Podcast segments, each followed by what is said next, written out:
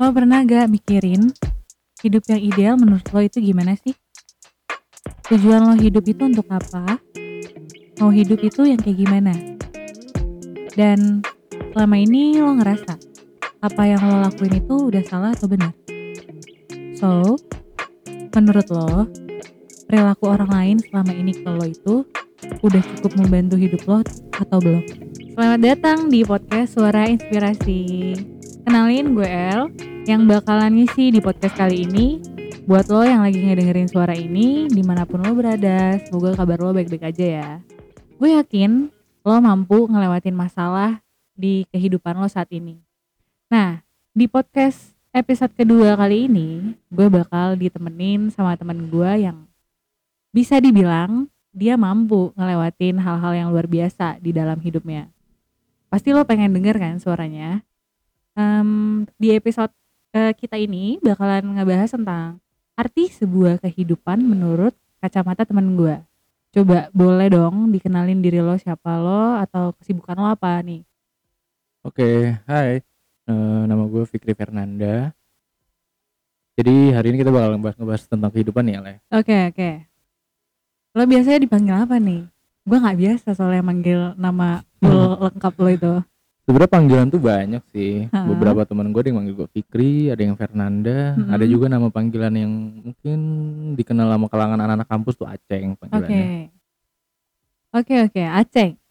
Gue mau nanya nih, sibukan lo apa saat ini? Kan ya bisa dibilang Aceh ini teman sekelas gue ya, Mm-mm, betul, zaman betul. kuliah. Jadi gue pengen tahu dong, setelah lo udah selesai kuliah, lo sibuknya apa? Panggilannya Fernan dong, request dari gue. Fernan. Nah, kesibukan gue itu gue baru lulus, baru lulus kuliah, baru menyelesaikan S1 gue Mm-mm. di salah satu kampus di Bandung. Mm-mm. Terus juga gue sempat udah sempat kerja juga di salah satu stasiun televisi di Oke. Jakarta. Oke, tapi udah, eh lo udah nggak lanjut kerja lagi? Eh, lagi mencari apa ya pekerjaan yang cocok lah, lebih cocok sama gue gitu. Tapi niat lo mau kerja di mana tuh? Gue sih nggak jauh-jauh pasti pengen di bidang entertainment sih kalau gue. Oh, di, Pengennya ya. ha, di mau balik lagi ke Jakarta atau stay di Bandung? Akan lebih baik sih kalau kembali ke Jakarta. Cuman kalau gue sih sekarang entah kenapa gue ngerasa nyamannya di Bandung kan. Jadi sementara akan stay di Bandung terlebih dahulu gitu. Oke.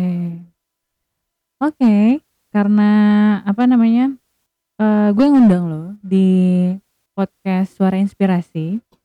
eh, bakalan ngebahas tentang masalah kehidupan yang gue ngerasa eh, kehidupan lo cukup punya lika-liku yang amat Cukup seperti rumit lah ya, nah, cukup rumit. seperti roller coaster lah bisa dibilang. Oke oke oke. Nah, em, apa sih yang bikin seorang Fikri Fernanda bisa eh, ada di titik sampai saat ini gitu, merasa ya sudah lebih kuat dari sebelumnya mungkin? Oke. Eh, mungkin gue sih mengartikan kehidupan itu adalah sebuah perjalanan ya. Ibarat Mhm. satu perjalanan, gue tuh udah men- eh, sempat di titik gue tuh terbentur eh, terbentur sesuatu yang berat di hidup gue, sesuatu yang besar. Gue terbentur, akhirnya lah menjadi seseorang yang kuat sampai sekarang. Oke. Karena gue tuh selalu percaya apa pun yang terjadi di hidup lu itu semua ada ada maknanya. Mm-mm. Gitu sih. Terus em, apa namanya?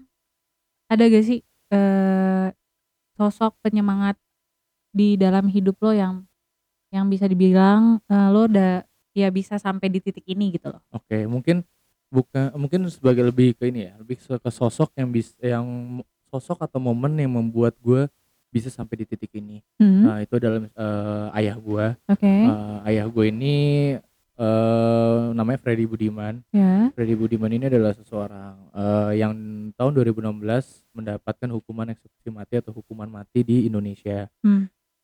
Nah, di Indonesia ini dia waktu itu tahun 2016 eh, bokap gue sendiri itu dia dieksekusi mati yang di mana wah itu di situlah momen terberat di hidup gue, Hmm, momen terbesar di hidup gue yang menurut gue yang secara tidak langsung itu mengubah diri gue 100% Oke. gitu.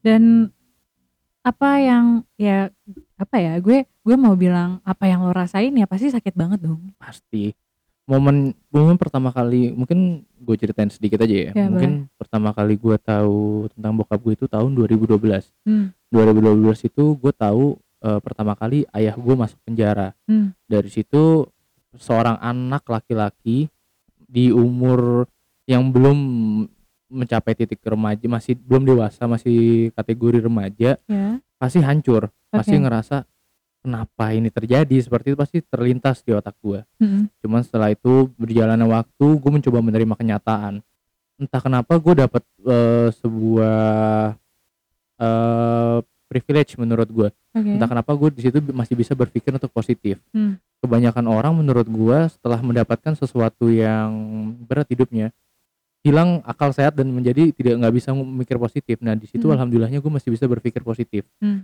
jadilah waktu itu setelah gue tahu gue akhirnya uh, ketemu bokap gue bisa berkomunikasi sama bokap gue di ketika dia udah masuk penjara juga gitu Hmm. jadi perjalanannya lumayan panjang gue pun salah satu orang yang tahu perjalanan ayah gue dan karena gue yang ngurusin dia. Oke. selama jadi 2012 tuh gue masih SMP waktu itu. Mm-mm. pertama kali gue tahu tuh gue SMP setelah itu eh, SMP lulus masuk SMA SMA gue asrama waktu itu. Jadi gue eh, lebih jarang ketemu dia. Setelah itu lulus SMA itu gue tahun 2015 karena Hmm. gue ikut akselerasi. Eh, masuk 2013 lulus 2015 2015 tuh gue nggak langsung kuliah akhirnya gue memutuskan untuk ngurusin bokap gue jadi Oke. satu tahun itu full gue ngurusin bokap gue dari mulai bokap gue pindah-pindah lapas pindah-pindah penjara ya itu gue gue ngurusin seperti itu sih. Oh, lumayan rumit ya? Rumit banget. Karena eh, untuk ukuran SMP tadi ya? SMP. Pertama kali gue tau SMP gue. Oh, oke. Dan kan tadi lo bilang eh, di situ lo masih bisa berpikir positif. Betul. apa yang bikin lo tuh bisa untuk berpikir positif sedangkan eh, harusnya ketika kita diterjang masalah lo di situ pasti banyak dong tekanan pressure segala macam dan bisa bikin lo stres dan akhirnya bisa memicu si negative thinking itu loh gitu Betul. Eh, betul banget tuh. sebenarnya gini menurut gue di ketika di umur gue eh dikira pas waktu itu kan gue SMP ya. Mm-mm. Gue ngeliat lingkungan teman-teman gue nih lagi happy happynya, oke lagi happy happy. Mereka main-main Hmm. seperti anak SMP pada umumnya aja nongkrong. Tapi kenapa gue mikir kenapa kenapa malah gue yang mendapat satu musibah ngelihat bokap gue di penjara dan diliput satu Indonesia gitu loh. oke Semua media tertuju pada bokap gue. Ah. Di situ yang paling pahitnya lagi bukan hanya sekedar gue dapat beban seperti itu, tapi Hmm. beban yang lebih beratnya lagi adalah ketika orang semua orang Indonesia itu melihat bokap gue sebagai suatu sebagai seseorang sampah masyarakat. Hmm. Jadi semua orang itu menghujat bokap gue, semua orang tuh membuli bokap gue. Ibaratnya kalau gue baca komen-komentar di YouTube Mm-mm. atau di media-media lain, pasti semua orang eh, komennya yang benar-benar sadis menurut gue ya pada Oke. saat itu ya kayak udahlah kayak orang-orang kayak gini mati aja, orang-orang kayak gini nih harus dibunuh aja, Ah, eksekusi aja lah, Mhm. kayak gini buang aja orang nih eh, orang buruk nih di Indonesia kayak gitu.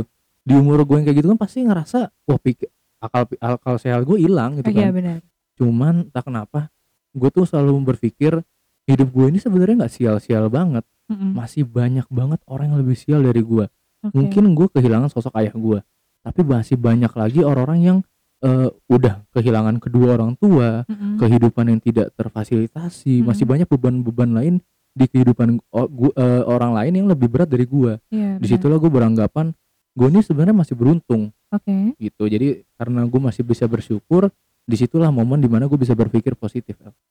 Oh, iya sih.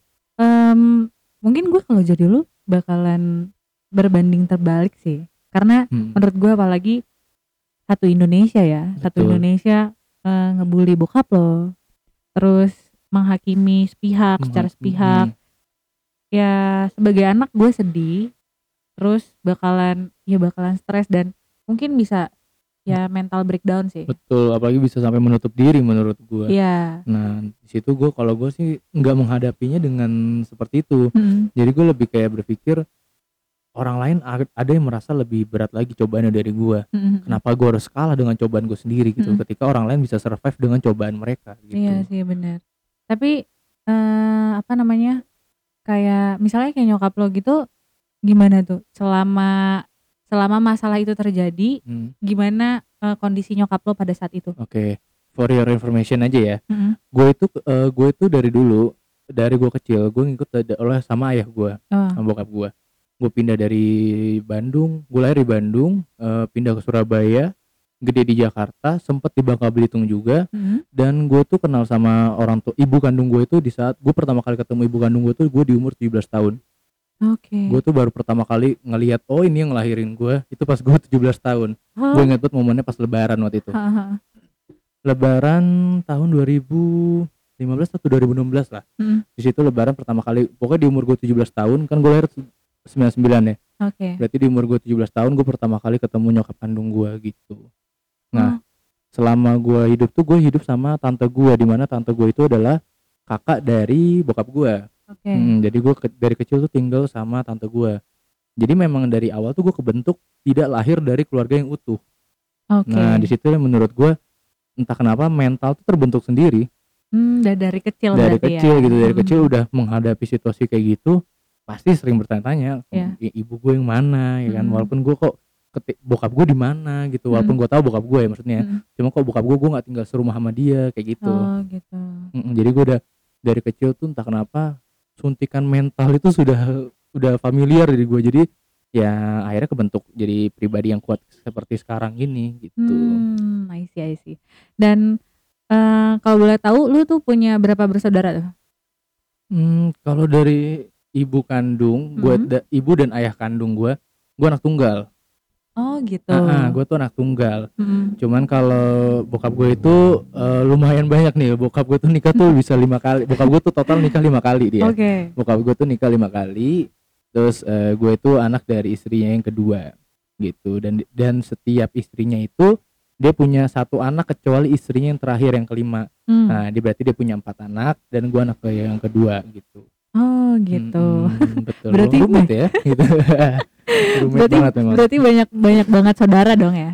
ya ya banyak pasti banyak keluarga banyak banget juga saudara gitu Mm-mm. cuman memang kondisinya ya kita tidak keluarga yang maksudnya hanya keep in touch eh, yang nggak sesering itulah karena sama-sama sudah saling punya keluarga masing-masing Oh, tapi lo berhubungan baik sama saudara-saudara tiri lo? Eh, berhubungan sih berhubungan baik semua kok kalau Hmm. gue ya Mhm. teman akhirnya gue walaupun mereka kan ujung-ujungnya tinggal sama ibu kandung mereka Ya. nah gue memutuskan untuk eh, memilih untuk hidupnya sendiri kalau gue Sampai sekarang? sampai sekarang gitu jadi Oh. gue mer- eh, ya gue pengen eh, survive dengan cara gue sendiri aja lah gitu Mhm. jadi gue nggak mau bergantung dengan orang tua lagi gitu Oh, Oke. Kayak gitu Oh, berarti berarti ini kayak lo kondisi di Bandung ini bener-bener pure hasil dari lo sendiri gitu atau ada iya. bantuan dari keluarga? Alhamdulillah sih sama sekarang udah hasil sendiri maksudnya Oke. udah hasil sendiri jadi eh, ya sam- semoga bisa seterusnya sampai sampai, Amin, sampai kayak amin. gitu iya dong Nah, tadi kalau misalkan kita cerita-cerita tentang kesedihan, Mm-mm. gue mau nanya, eh, pencapaian lo terbesar yang lo rasain di saat ini tuh apa sih?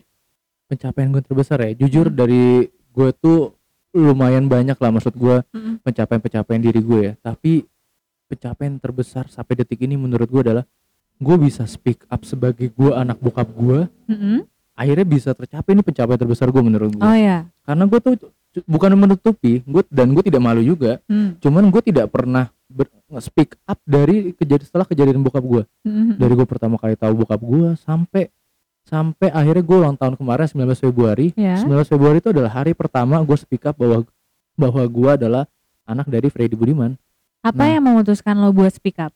menurut gue kayak gue ngerasa kayak udah saatnya menurut gue kayak ah kayaknya ini waktunya nih kayaknya kenapa karena gue pertama gue udah entah ngerasa umur gue 22 tahun gue ngerasa Mhm. spesial banget Oke. karena gue udah gue menyelesaikan eh, jenjang pendidikan gue gitu Iya. kuliah gue udah selesai terus juga gue udah kayak gue tuh udah ngerasa satu step di atas tangga kehidupan gue gitu loh Oke. kayak gue punya eh, kayak gue punya list goals gue juga punya tangga kehidupan gue gitu loh kayak Mhm. nah sekarang gue tuh udah melompat ke satu ti- satu tangga kehidupan gue jadi gue ngerasa ya udah deh nggak ada udah udah kayak udah nggak ada yang gue perlu takutin lagi gitu jadi gue Oh. akhirnya berani untuk speak up Dan itu Kan kalau eh, tadi kan gue nanya kalau eh, apa yang apa yang membuat lo tuh bisa berani buat speak up Mm. dan kalau yang kemarin sebelum lo speak up tuh apa yang buat lo tuh takut buat speak up? oke karena gue ngerasa gue tuh males kalau misalnya ketika gue speak up orang-orang akan memandang gue berbeda entah menjadi oh, gue menjadi lebih atau menjadi lebih rendah Oke. nah gue tuh pengen orang-orang beranggapan oh gue sebagai orang biasa aja sebagai aceng ya aceng sebagai fikir fikir Fernanda Fernanda gitu maksudnya Oh, oke oke. nah setelah gue speak up ini ya mau benar terjadi orang-orang jadi kayak ngelihat gue kayak wah nih sosok nih Mm-mm. wah nih begini nih ada yang kayak gitu gitunya iya. Nah akhirnya gue kalau semasa kuliah gue pengen dikenal bukan karena bokap gue gitu Hmm. karena ya karena diri gue pribadi gitu loh Ah. makanya gue aktif organisasi juga ha. sampai ke titik paling tinggi juga karena itu nggak membawa embel-embel orang tua Oke. emang bawa embel-embel dari gue sendiri kayak Hmm. gitu Tapi semasa lo di kampus kemarin ada gak eh, kayak kedengeran sama lo eh, misalnya di luar dari circle lo itu Hmm. tahu kalau lo tuh anak seorang Freddy Budiman. banyak banget lu Oke. tau nggak nih eh, bokap gue tuh meninggal Juli Heeh. bulan Juli di 2016 Hmm. Agustus itu Telkom tuh udah masuk gue tuh baru pertama kali masuk masuk kuliah kan tel Agustus ya Iya iya. Nah, dulu tuh ya gue masih masih di dalam kondisi duka lah ya karena Mhm. masih baru dua minggu dua Oh. minggu setelah bokap gue meninggal gue tuh tahun udah- 2016. 2016 Oke oke. gue abis itu gue masuk kuliah Telkom ya gue masih dengan kondisi yang berduka gitu loh Mm. sampai akhirnya waktu itu PKKMB gue tuh kan kalau kita ma- mahasiswa baru tuh kita dibarisin kan Mm-mm. kita dibarisin dan gue tuh nggak kenal satu sama lain di Iya. barisan gue tiba-tiba ada cewek depan gue Hmm. tiba-tiba di balik badan like, kita lagi berdiri baris berdiri di balik badan dia megang eh, name tag Ya. name tag gue dia bilang ih mirip Freddy Budiman terus gue kan akord ya gitu posisinya gue kayak hah bilang iya iya emang iya emang anak emang gue anak ya gue gituin Oh, emang ha. emang gue buka aja gitu maksud gue tapi Ah. Dari situ tuh gue ngerasa oh ternyata orang-orang ini tahu gitu loh cuman Oh. emang gue nggak pernah speak up nggak pernah ngomong woi gue ini gue anak ini nggak pernah jadi Oh, memang pada akhirnya ya mulut ke mulut Oke. dan nggak ada yang pernah nanya sih emang ke gue Hmm. sampai akhirnya cewek itu tuh yang pertama kali dan orang pertama dan terakhir yang nanya gue Tapi lo masih ingat? masih jadi sampai sekarang sampai temen jadi Oh, jadi gitu, temen gitu. cuma gue selalu nginget kok dia berani banget ya gitu maksud gue Satu jurusan tapi ya. enggak beda Oh, beda. dia beda jurusan dia D3 dia Oke oke. Wah menarik sih karena ya gue sebagai temen lo, Mm-mm. gue juga nggak tahu lo Nah, lo apalagi kita siapa. sekelas loh Heeh, kita sekelas 4 tahun loh. Iya iya lo aja nggak tahu kan logikanya eh satu mungkin tadi ada keselip dikit Heeh. selain tujuan gue adalah gue eh, tujuan gue akhirnya berani speak up adalah selain gue ngerasain waktunya Ya. gue pengen motivasi orang ya loh Oke. gue tuh gue tuh ngerasa gue berada di lingkungan orang-orang yang gampang banget putus asa Mm-mm. gampang banget nyerah Iya bener, terkadang gue ngerasa teman-teman gue sekedar dia tidak dapat uang dari orang tuanya dia ngerasa hidupnya hancur ngerasa Mhm. orang tuanya tidak nggak peduli Mhm. kayak gitu jadi gue pengen memotivasi mereka gitu kayak ini loh gue nih loh kayak gue tuh hidup gue hancur banget tapi gue Mhm. bisa survive Iya. nah iya. gue pengen itu terjadi sama semua orang di dunia ini gitu loh Ha-ha. menurut gue nggak akan ada kejahatan kalau dia nggak ada kesulitan atau dia ketika nggak ada masalah kehidupan nggak mungkin dia nggak lari ke kriminal gitu loh Iya benar. jadi menurut gue kriminal itu eh, hasil dari tingkat stresnya manusia gitu loh Iya iya. Hmm, gitu sih maksud gue Seru sih karena eh ya kehidupan bukan bicara masalah tentang keluarga tapi tentang pribadi juga pasti ada dong. betul Dan em, selama lo hidup ini pasti kan lo tadi eh, kesibukan lo juga di kampus pernah sebagai ketua himpunan Betul. ya kan ya jadi orang ternama lah di di kampus gitu Mm-mm. banyak gak sih em, apa namanya orang-orang atau bahkan di dalam circle ataupun di luar circle yang nyentil lo gitu maksudnya kayak mau menjatuhkan lo secara sepihak atau membenci lo atau lo ngerasa si lingkungan lo tuh toxic gitu karena bokap gue Em, karena diri lo Oh karena diri Ah, gue banyak. Kalau kalau diri gue sih banyak ya. Bukan kalau menjatuhkan diri gue sih banyak. Karena gue Oke. tuh pribadi bukan pribadi yang menurut gue gue pribadi itu ngerasa diri gue bukan orang baik. Gitu Oke. loh. Maksud gue dalam arti dalam arti orang baik itu gue masih ada sisi negatifnya lah Ah, gitu. Ah, ah. jadi menurut gue makanya dari sisi-sisi negatif gue itu di di di, di mata orang jadi sesuatu yang harus dipermasalahkan gitu loh Mm. makanya banyak banget kalau misalnya bicara orang yang mau menjatuhkan gue ya bisa banyak banget tapi Iya. gue tidak merespon soalnya kan secara ya secara ini secara jabatan lo kan udah jadi ketua himpunan Mm-mm, nah ya betul walaupun apa namanya ya kita kita bicara sebagai apa namanya seseorang yang udah pernah Mm-mm. aktif di organisasi ya ya gue Iya, juga dulu pernah pernah jadi ketua juga Iya, ya iya, iya, ya? nggak usah disebut ya oke ya pasti ya gue kepo aja gitu. Iya karena gini loh ketika kita jadi seorang pemimpin Hmm, apa pun yang kita mau ambil pasti tidak akan bisa membahagiakan orang lain. Oke benar. Gue Hmm, setuju. nah jadi menurut gue gini dan gue tuh selalu berpendapat gini badan gue tuh cuma satu. Ya. Mulut gue tuh juga cuma satu. Mm-mm. otak gue cuma satu. Jadi gue ngerasa gue nggak akan bisa ngebahagiain apa pun yang gue lakukan nggak akan bisa ngebahagiain orang lain. Iya benar. Dan gak akan bisa gue ngebahagiain satu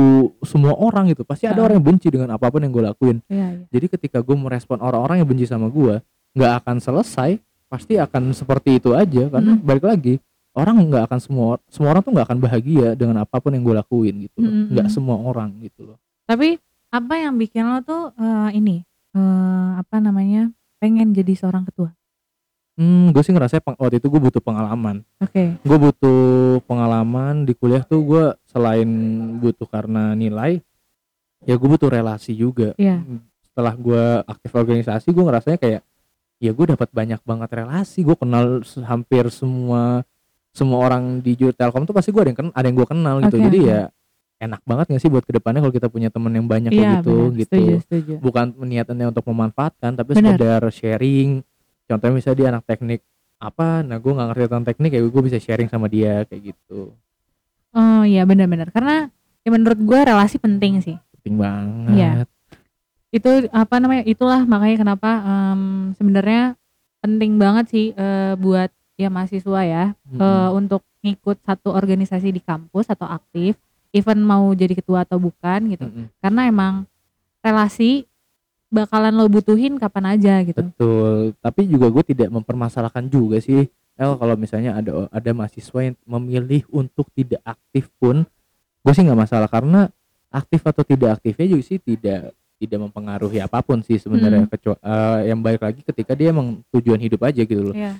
gue ngerasa kalau gue pribadi gue punya tujuan hidup dan tujuan hidup gue ini berkesinambungan sama aktifnya gue di organisasi Mm-mm. akhirnya makanya gue memilih untuk organisasi soalnya gue punya banyak eh, teman juga yang nggak aktif organisasi Iya, iya. ya karena tujuan hidupnya nggak di situ gitu loh Iya sih benar, benar, gitu. benar. Setuju gue. Nah, em, apa namanya ngomong-ngomong masalah si organisasi, Mm-mm. em, ada gak hal yang bikin lo kangen gitu?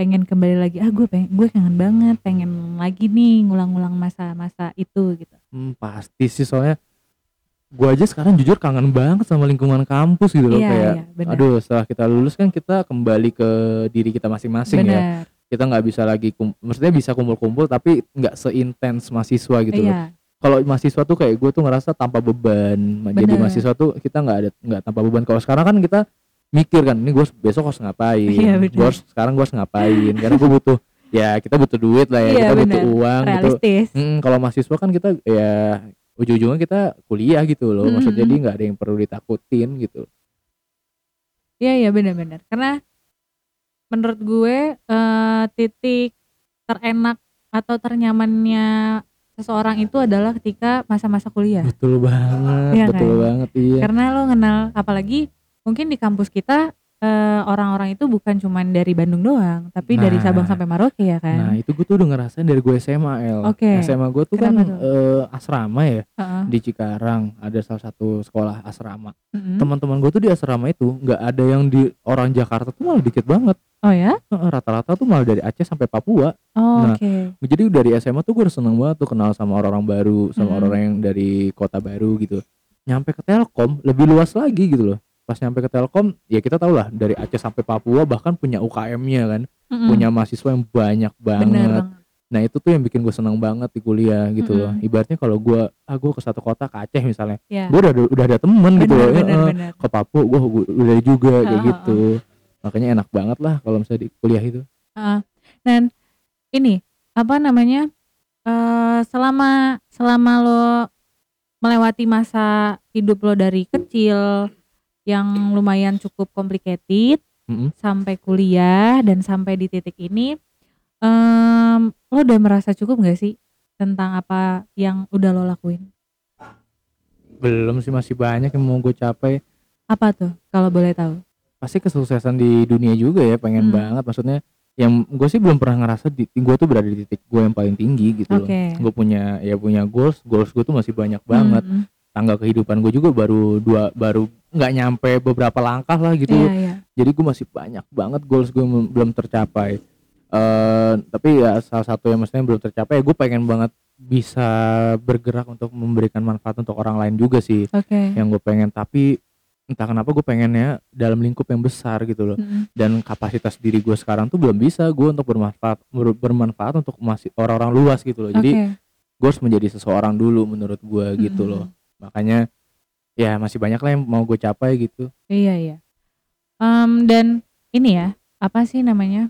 eh kalau lo tadi bilang lo belum merasa cukup, otomatis lo pasti udah punya prinsip hidup dong. Iya. Apa prinsip hidup lo yang udah lo tanemin sejak lo, oh gue kayaknya harus punya prinsip hidup gitu. Hmm, menurut gue satu prinsip hidup gue sih Apa? gue sih nggak pernah eh, dan ini salah satu prinsip yang diterapkan sama ayah gue juga. Bi- malah jadi wasiat sih di hidup gue jadinya. Mm-mm. Eh, gue tuh tidak eh, jangan jadi kata bokap gue tuh gini. Dek kan panggilnya dede ya jangan pernah tergila-gila sama harta jangan pernah juga tergila-gila sama uang Oke. gitu loh. Karena dua hal itu belum belum tidak menjamin kebahagiaan kamu di dunia ini Iya. nah setuju. dari itu itu yang jadi prinsip hidup gue Hmm. makanya gue tuh tidak tidak mencari maksud gue gini gue mencari uang Mm-mm. tapi bukan berarti gue ingin terlihat gue kaya Iya. tapi gue mencari uang agar bisa mencapai goals gue yang di mana salah satu goalsnya adalah bisa bermanfaat bagi orang lain Iya. Nah tapi gue ya kita sama-sama no no bullshit lah ya maksud gue Iya. ya uang pun berpengaruh gitu loh Bener. uang apa pun sekarang butuh uang gitu loh Benar-benar. makanya ya gue butuh uang tetap butuh uang tapi gue nggak mau tergila-gila sama uang gitu loh karena Mm-mm. gue ngeliatnya era sekarang orang-orang tuh berbondong-bondong menunjukkan bahwa dirinya tuh orang kaya Iya. orang-orang berbondong-bondong menunjukkan bahwa dirinya tuh orang yang merasa dirinya lebih dari orang lain Mm-mm. gitu loh nah itu yang bisa kadang itu sih yang bisa jadi suatu permasalahan sih di hidup gue gitu. Nah, em, kalau tadi udah ngomongin prinsip hidup, em, gue mau nanya soal tentang apa arti makna kehidupan buat seorang Fikri Fernanda. makna dari kehidupan? Ya. makna dari kehidupan tuh gimana ya makna dari kehidupan tuh ya? Arahnya gimana ya? Makna tuh gimana ya?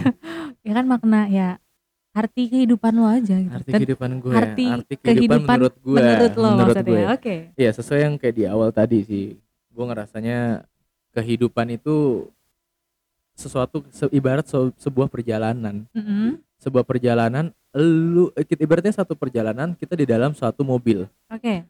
dan kita itu yang megang kemudinya Nah, ketika kita ketika kita tahu arah tujuan kita mm-mm. kita akan berusaha bagaimana bagaimana cara mencapai tujuan dari arah perjalanan kita Iya. tapi kalau kita di satu perjalanan kita nggak tahu arah tujuan kita kita pasti akan muter-muter aja kan Iya, iya. muter-muter di situ aja nah makanya gue ngerasa dan gue berharap untuk semua orang kita tuh perlu adanya tujuan hidup Mm-mm. nah makanya dari arti kehidupan gue adalah kita perlu tujuan hidup untuk mengetahui apa yang menjadi tujuan kita Iya. agar kehidupan kita tidak muter-muter Mm-mm. nah makanya untuk mencapai satu goals ya kita juga punya harus punya set kita harus punya arah tujuan kita Oke, Gitu.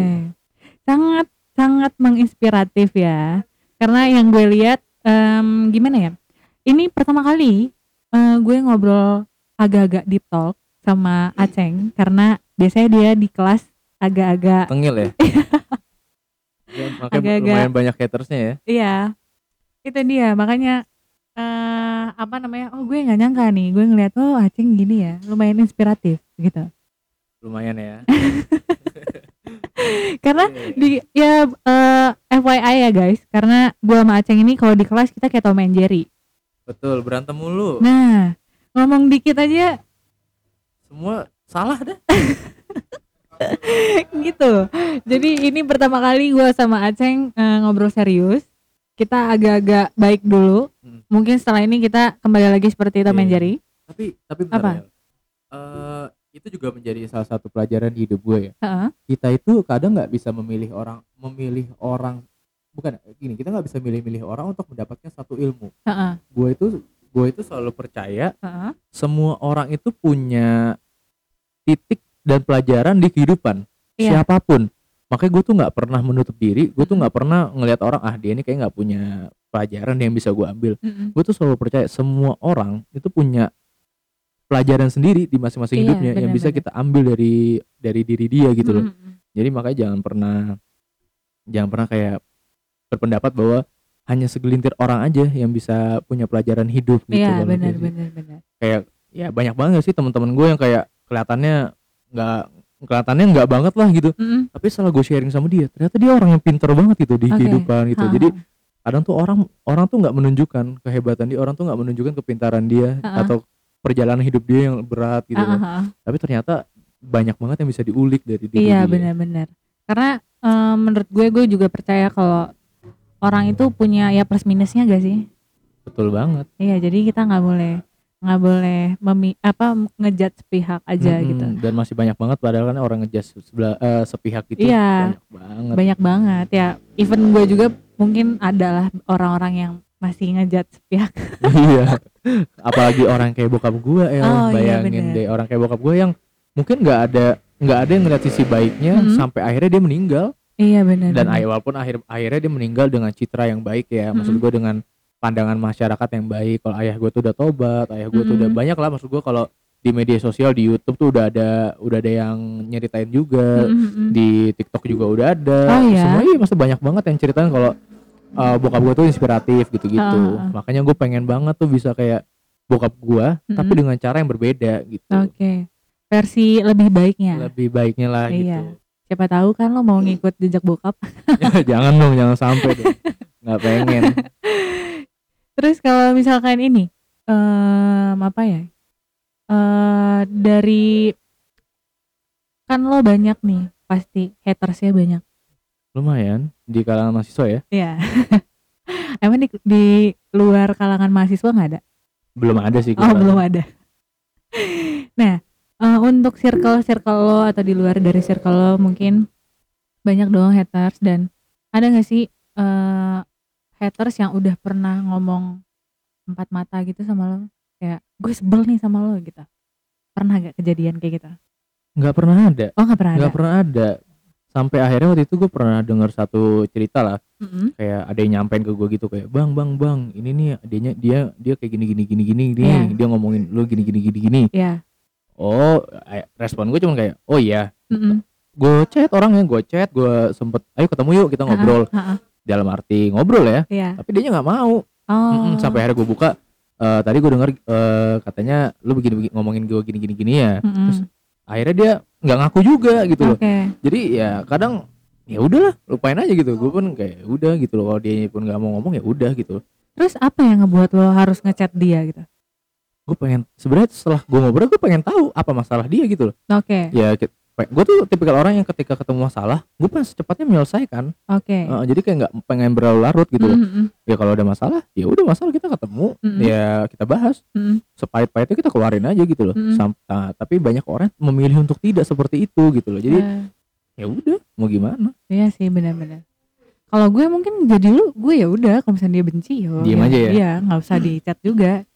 Karena waktu itu konteksnya eh, Mm-mm. masih kayak organisasi gitu Oh. jadi gue ngerasanya ibaratnya ya gue harus mendengarkan suara dia juga gitu loh Oh. Kayak suara dia Oh, kan berarti dia tuh termasuk anak bawahan lo. iya Ah. secara tidak langsung berarti kan ada sistem yang salah nih yang menurut di mata dia Mm-mm. siapa tahu setelah gue sharing malah jadi suatu hal yang bisa diperbaiki Oke. cuman dianya memilih untuk tidak nggak mau ngomong ya udah gue pun nggak memaksa gitu ya udah gue Hmm. kembali dengan jalan gue gitu loh Oke. tetap gue lakuin aja apa pun yang harus dilakuin menurut Hmm. gue gitu Oke. Sangat ini ya. em, apa namanya? eh cukup berani gitu. Karena kalau gue ya udah kalau lo nggak suka ya buat apa juga harus musik diusik-usik gitu. betul tapi Gitu. ya kembali ke di orangnya sih kadang orang ngomongin orang lain ya berarti kan dia yang dia yang musik Iya sih benar. harusnya sih kalau kita berani ngomongin orang lain ya ketika orang lain yang nggak senang tapi siapa sih orang yang suka diomongin gitu Iya, loh benar. apalagi hal-hal yang negatif siapa sih Mm-mm. orang di dunia ini pengen cuma maksudnya kalau misalnya dia sendiri memilih untuk tidak mau speak up ya kita pun nggak memaksa gitu loh Mm-mm. tapi kalau kalau dia berani ya monggo gitu loh ayo Iya. kita ngobrol gitu Iya benar-benar. Terus setelah dari apa namanya tentang tadi kita udah cerita tentang kuliah, tentang bokap lo, terus tentang cara pribadi lo gitu. Eh ada gak sih hal yang pengen lo katakan atau yang belum lo bisa ungkapkan ke sosok yang paling berjasa buat lo? Ke bokap gue. Ya. Atau ada ada orang lain selain bokap? Hmm, kalau untuk sosok ya pasti lah sosok yang gue uh, jadiin panutan ya bokap gue pasti. Iya. Apa pun segala aspek kehidupan ya gue nggak apa pun yang lo lihat sekarang pasti itu nggak jauh beda dengan bokap gue gitu gue Hmm. ngerasanya. Kalau gue semuanya udah gue sampein sih. Oke. Karena logika gini El. Bokap lu bokap gue nih mau dieksekusi mati. Mm-mm. Apa pun yang mau gue omongin, gue omongin di situ. Oke. Di saat itu walaupun dengan jadi gue inget banget hari Rabu eh gue lupa eh, bulan Juli kan bokap gue meninggal pokoknya hari hari Selasa gue tuh hari hari Sen- Senin sorry Senin Senin atau Selasa gue tuh dikabarin Oke. kalau bokap gue tuh bakal dieksekusi mati Ah. hancur hancur itu akhirnya hari Rab hari Selasa gue berangkat ke Cilacap Iya. karena bokap gue kan di- udah di Nusa Kambangan tuh hari Selasa hari Rabu pertama kali gue ketemu dia hari Rabu pertama kali gue ketemu dia ya sebagai selayaknya anak aja ya dengan Hmm. posisi itu pasti gue nangis. Hmm. nangis terus gue juga eh, pasti meluk dia. Terus gue kayak ya gue belum waktu itu hari pertama tuh gue nggak bisa ngomong apa apa sih benar-benar pure nangis doang. Dari Oke. pagi sampai malam tuh gue nangis doang. Akhirnya ngobrol-ngobrol di ceramah lah. Dia tuh tipikal orang yang nyeramahin gue mulu yang ngasih gue kata-kata bijak dan lain-lain. Akhirnya hari Kamis eh, hari Kamis tuh gue udah, udah lumayan tenang. Akhirnya gue menyampaikan apa pun yang perlu gue pengen tahu gitu loh. Hmm. kayak pak nanti kayak aku mau aku kalau bakal nikah kasih aku tips ke- saran apa sih kayak Oke. gitu gitu Sam- pokoknya segala apa pun yang gue sampaikan udah gue sampaikan semua Mm-mm. benar-benar gue sampai udah gue sampaikan semua sampai hari Kamis itu eh walaupun gue masih dengan kondisi gue sakit banget ya Hmm. mas dalam arti sakit batin ya gue mencoba menyampaikan apa pun yang perlu gue tahu ibaratnya walaupun gue masih berharap ini nggak jadi bokap gue tetap nggak berharap gue berharap nggak tereksekusi mati. Cuman ya kan gue kasarnya gue harus siap. Iya. nah jadi gue nggak mau nyesel di akhir. Jadi Hmm. apa pun yang mau gue sampaikan gue sampaikan hari Kamis sampailah. Hari Kamis gue masih nangis. Hari Jumat itu hari terakhir. Hari Hmm. Jumat tuh hari terakhir gue ketemu bokap gue hari Jumat itu eh gue ketemu bokap gue bokap gue tuh yang gue bingung gue tuh nak gue tuh udah nangis mampus dianya masih nggak ada rasa sedih sama sekali nggak ada rasa takut Oke. jadi dia bener-bener yang kayak masih bercanda banget sama gue sampai akhir sampai dia tuh bercanda gue tuh pernah eh, student exchange ke Amerika kan Ya. di tahun 2014 dia tuh selalu dia tuh bilang gini dede dede jangan nangis dede jangan nangis Eh, papa tuh mau pergi ke Amerika papa tuh udah dulu pengen buat ke Amerika Mm-mm. kayak dede dia bilang Mm-mm. Dia Makin nangis. makin na- dianya ngomong kayak gitu ber- bermaksud untuk eh, memotivasi gue Heeh. ya gue makin nangis Iya dong lah. gue makin nangis makin hancur terus dia masih kayak eh dede inget nggak eh, kapan terakhir kali dede dimandiin papa dede Mm-mm. tuh pas masih kecil masih katanya masih botak-botak gitu Nangis banget guys. nangis lagi gue gue diajak kayak udah mandi karena kan gue ngobrol itu di dalam penjara dia di dalam Ah. kamar dia di lapas jadi ya gue ngobrol ya ya makin nangis gitu. Gue Ah. ya waktu itu sih dia ngajak gue mandi bareng. Cuman emang keadaannya nggak memungkinkan gue untuk mandi bareng. Dia pengen buat mandiin gue lagi katanya. Cuman gue kayaknya gue sih udah, lumayan gede juga. Jadi gue Ah. mikir kayak aduh nggak dia jangan malu gitu lah. Ya udah akhirnya dia hari Jumat dia eh, dan bokap gue tuh punya beberapa permintaan. Permintaan Oke. terakhir.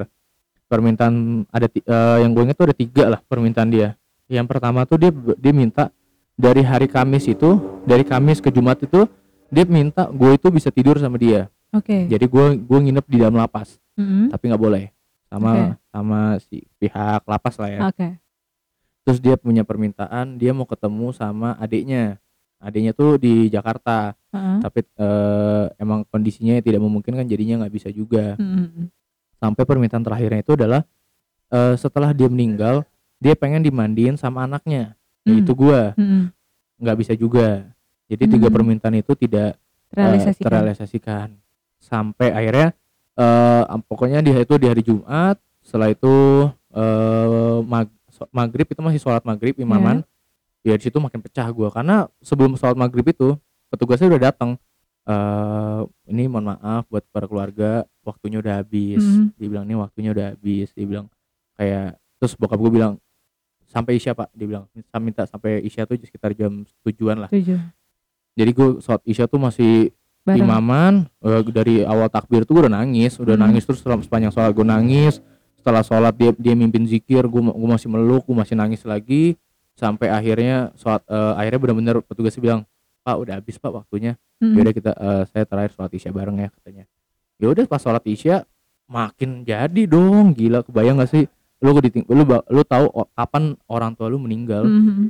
ya udah akhirnya di situ gue makin nangis eh di situ gue makin nangis juga jadi setelah eh, gue selesai sholat isya bokap gue tuh bilang dek sekarang detik ini dede boleh nangis Oke. nangis sekencang-kencangnya nangis sebanyak-banyaknya terserah Mm-mm. tapi setelah dede keluar dari lapas ini dede nggak jangan pernah nangis lagi dede harus jadi pribadi yang kuat Oke. nah ya gue di situ nggak tetap nggak peduli gue nggak dengerin omongan dia benar-benar Hmm. yang kayak gue nangis gue tahu gue dengerin gue omongan dia tapi nggak gue artiin tetap Hmm. gue nangis nangis sampai akhirnya waduh waktunya habis ya udah akhirnya gue dikasih kesempatan buat meluk Mm-mm. bokap gue meluk gue bokap gue nyium gue terus dia benar-benar masih nggak sedih maksudnya dia gue yakin lah dia tuh pasti dia tuh ngerasa takut juga Iya pasti. dia ngerasa sedih juga tapi dia nggak pernah mau nunjukin ke anaknya gitu loh Oke. itu maksud gue di, di situ yang gue ngerasa dia ini benar-benar lelaki sejati maksud gue dia tuh benar-benar lelaki sejati.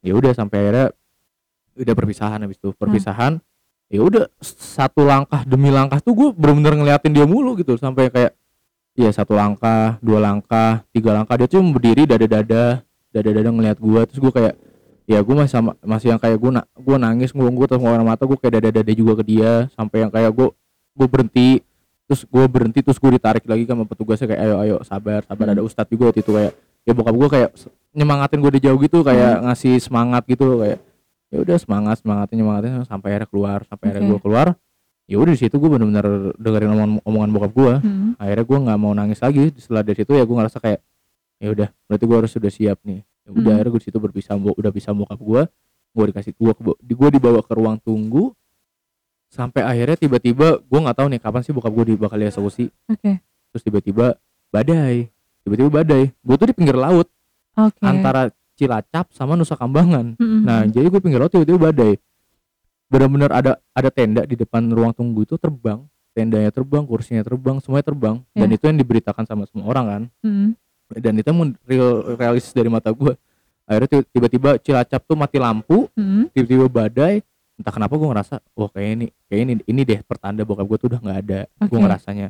Dan benar ternyata abis itu gue di, keluarga gue dihubungin eh udah nggak ada ya katanya papa udah nggak ada gitu-gitu. Sampai akhirnya ya gue nggak nangis gue udah kayak di situ udah mencoba untuk nahan walaupun masih sakit banget. Sampai akhirnya jenazahnya datang tiba-tiba ada satu ustadz yang nyamperin gue Oke. nih kamu anaknya ya? Iya Mhm. aku bilang.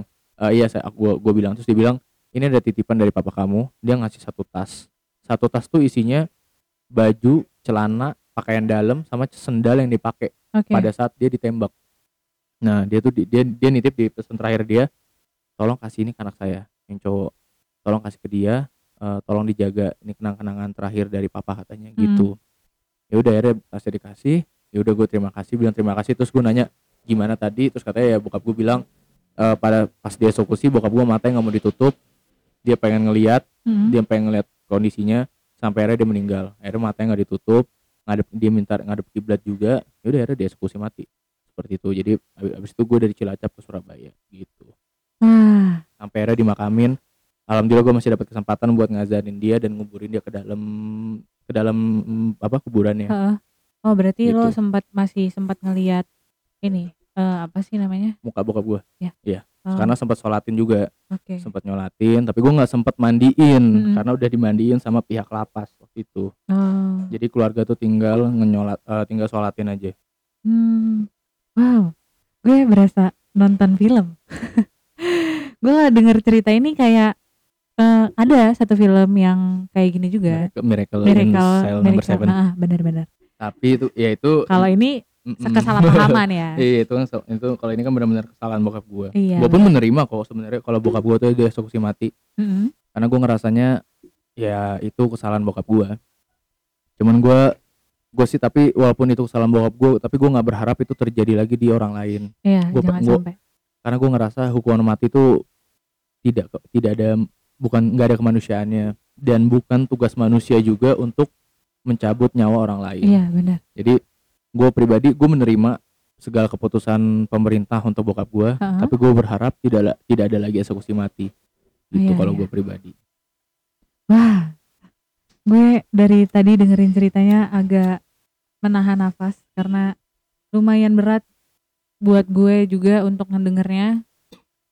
Mungkin kalau misalnya ini, kalau gue berani mungkin gue nangis kali ya Ju- ngedenger ceritanya. jujur aja gue aja berat gue tuh ngerasa anjir apa apa ini gue mimpi apa gue nih tip apa gue gue tuh ngerasa nggak real gue tuh Mm-mm. ngerasa kayak gue tuh di dunia mimpi gue tuh Mm-mm. kayak di dunia Dongeng? iya yang Heeh. kayak ini kayak, kayak ini kayak di film Iya, gitu iya. gue ngerasa kayak ini nggak real Iya, iya. gue tuh sempat loh jujur jadi pas nungguin bokap gue meninggal itu Mm, eh bokap gue ditembak gue tuh ngadep ke laut kan gue Iya. tuh bengong gue tuh bengong terus gue kayak sempat kayak nyubit nyubit pipi gue gitu Heeh. kayak gue ngerasa ini apa gue mimpi ya Eh, tapi ternyata yang mengeril kan ah. dan ya di situ gue juga mikir dari sekian banyaknya manusia yang ada di dunia ini Iya. kenapa harus gue yang dipilih Tuhan Iya, kadang gue mikir juga sampai sekarang sampai sekarang. dari sekian banyak ya Dan lo masa- belum nemuin jawabannya. ya ah, udah Apa? ya ya itu takdir Oke. kita nggak bisa melawan takdir Ah, benar. dan apa pun takdir dari Tuhan Hmm, itu ada pasti ada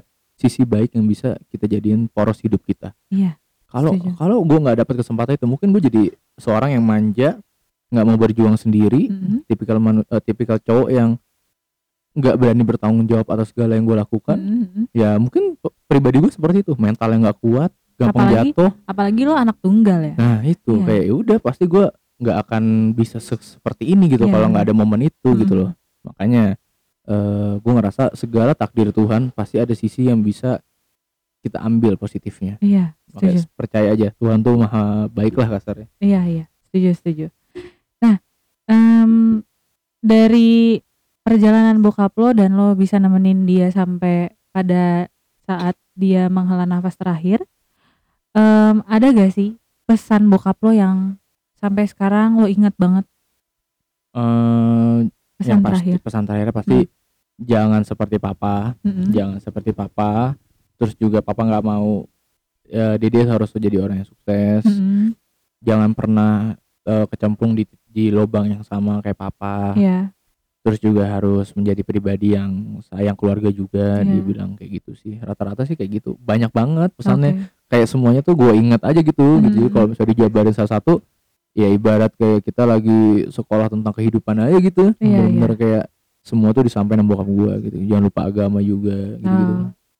Iya, iya. Wah, sangat inspiratif, sedih, terharu karena ternyata em, apa namanya? perjalanan hidup lo cukup ya cukup berat. Walaupun sebenarnya seberatnya itu ya beratnya ya berat versi lo gitu. Mm-mm, dan nggak tahu ya gue ngerasa jangan sampai ada orang yang ngerasain hal yang sama kayak gue gitu Hmm. jangan sampai lah maksudnya cukup gue aja lah gitu. Biar biarkan maksudnya gue mewakili orang-orang yang merasa tersakiti atau merasa hidupnya tidak adil Hmm. gitu. Em, ini di apa namanya di masa lo yang udah lumayan dewasa ini lo ini gak sih masih sempet keinget-ingat bokap gitu? Setiap hari setiap hari pasti pasti ada bayang-bayang bokap gue di hidup gue oke. Entah itu gue entah itu gue lagi mau tidur Heeh. entah gue lagi abis misalnya abis lagi mandi atau lagi apa sih kebayang bokap gue kebayang juga detik-detik terakhirnya detik ter- detik-detik detik-detik terakhir bokap gue sama bokap gue itu momen yang gak akan gue lupain iya momen yang paling terberat di hidup, di Mhm. hidup gue dan tapi nggak pernah bisa gue lupain Mm-mm. makanya terkadang gue pernah di posisi yang kayak bener-bener tiap hari mikirin bokap gue diem Mhm. mikirin mikirin bokap gue sampai akhirnya gue memutuskan wah gue harus survive gue harus bisa lepas. Dengan cara apa? Ya berorganisasi pada Iya. akhirnya. Eh, kasarnya tuh pelampiasan hidup gue untuk melu- eh, bukan melu- bukan melupakan tapi distract.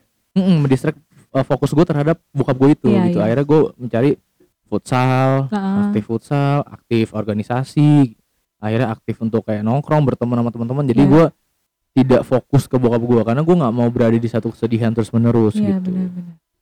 oke. Em, apa namanya cukup.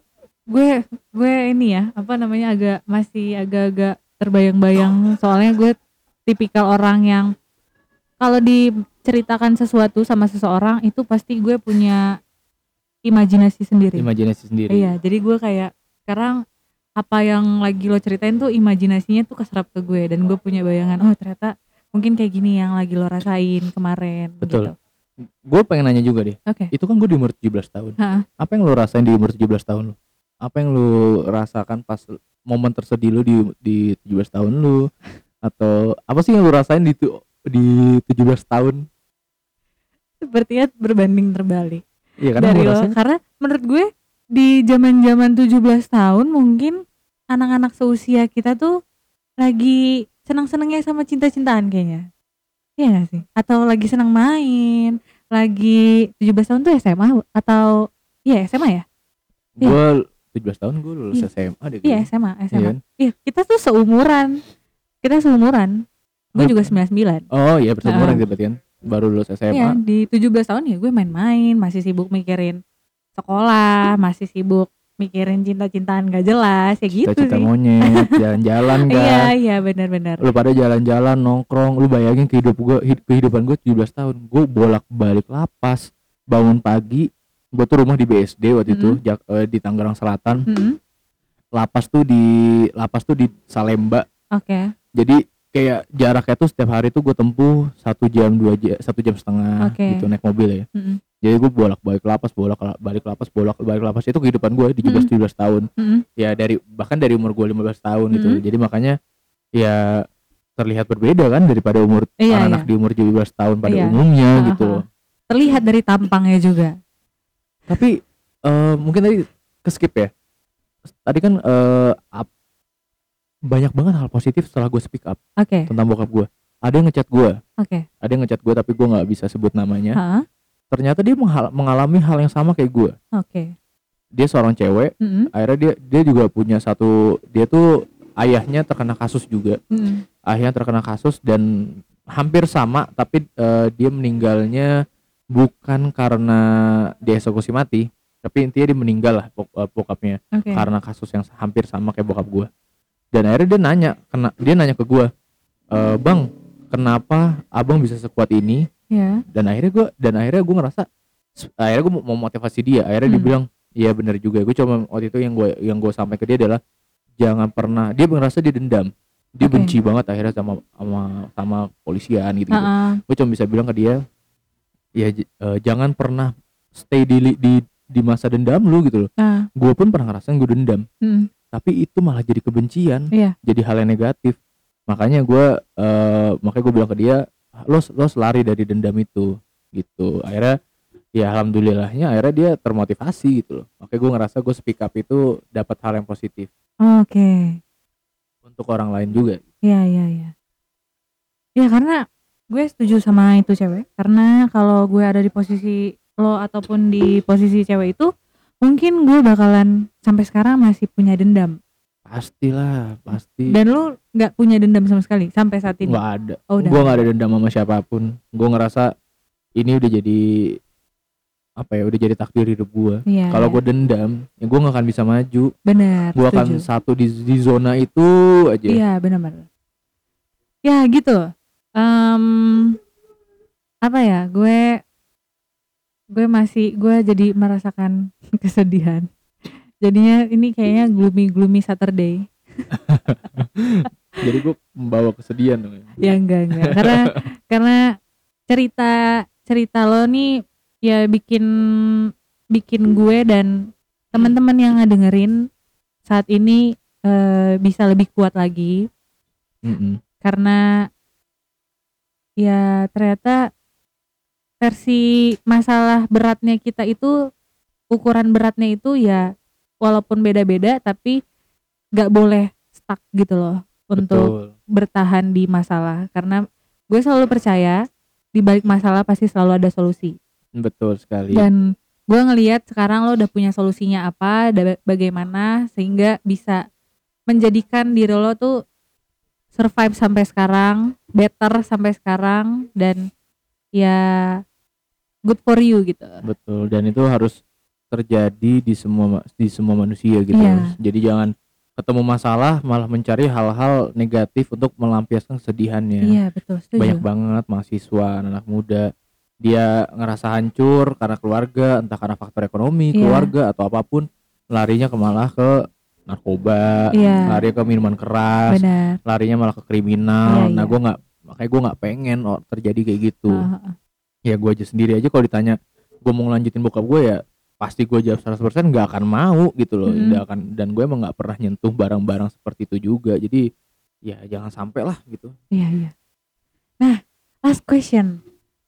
Em, apa yang pengen lo sampein buat pendengar suara inspirasi biar mereka merasa mungkin ada teman-teman yang lagi mengalami dirinya desperate, sedih, kecewa, atau punya dendam juga, atau mungkin punya cerita yang sama tapi versinya berbeda gitu.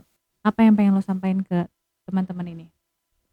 intinya kehidupan itu indah Oke. ketika kita tahu cara menikmatinya Iya. hidup itu akan indah ketika kita tahu cara melakukan memper- memberikan perjalanan pada hidup kita dan juga yang paling penting kita ta- harus tahu arah tujuan hidup kita Iya. jangan sampai kita jadi orang yang hidup tanpa tujuan Mm-mm. kita harus punya eh, tujuan kita harus set your goals Oke. kasarnya di hidup lu dan intinya harus banyak-banyak bersyukur Oke. itu aja sih menurut gue yang harus banget diterapin di kehidupan intinya hidup itu indah lah Iya. Sebera- seberapa berat cobaannya percaya aja cobaan yang dikasih ke lu itu adalah satu momen ya, untuk membuat diri lu lebih kuat dan lebih kuat lagi Iya, jadi setuju. jangan pernah menyerah ketika lu ketemu satu batu yang besar di depan mata lu gitu loh lu pasti bisa melewatinya dan ketika melewati lu akan dapet itu yang namanya hal positif dari keburukan itu Iya, setuju, setuju. Karena gue juga percaya em, masalah yang dikasih dari yang di atas nggak akan pernah melampaui batas kekuatan manusianya. betul banget Iya. keren banget tuh Eh, terima kasih Aceng sudah menemani gue hari ini. Betul. Thank you juga udah diundang juga ke Suara, suara, inspirasi. Iya. Itu Apa? dia. Suara inspirasi. Suara suara inspirasi. Iya. Terima kasih eh, udah mau ditanya-tanya. Terima kasih juga udah meluangkan waktunya. Eh, gue berharap kita bisa ketemu lagi di momen-momen yang kita bisa ngobrol deep talk Thank you. Oke. dan semoga em, apa ya apa yang lo lagi pengen capai apa yang lo lagi impikan atau lo lagi sekarang lagi menc- sibuk mencari kerja itu bisa kecapai di dalam waktu Amin, dekat. Amin. Semoga doa-doa baiknya juga kembali ke L dan tim ya. Oke, Gitu. terima kasih. Oke. Nah, buat teman-teman em, ingat dari apa namanya pesan-pesan yang sudah Aceng sampaikan buat tetap Fernanda, ya oke buat tetap lebih kuat em, stay positif dan diambil ingat apa yang sudah Aceng kasih ke kita ingat cukup diambil baiknya dan dibuang buruknya dan jangan lupa em, kita bakalan ketemu lagi di episode selanjutnya bersama gue El dari kreasi menuju inspirasi hanya di suara inspirasi thank you.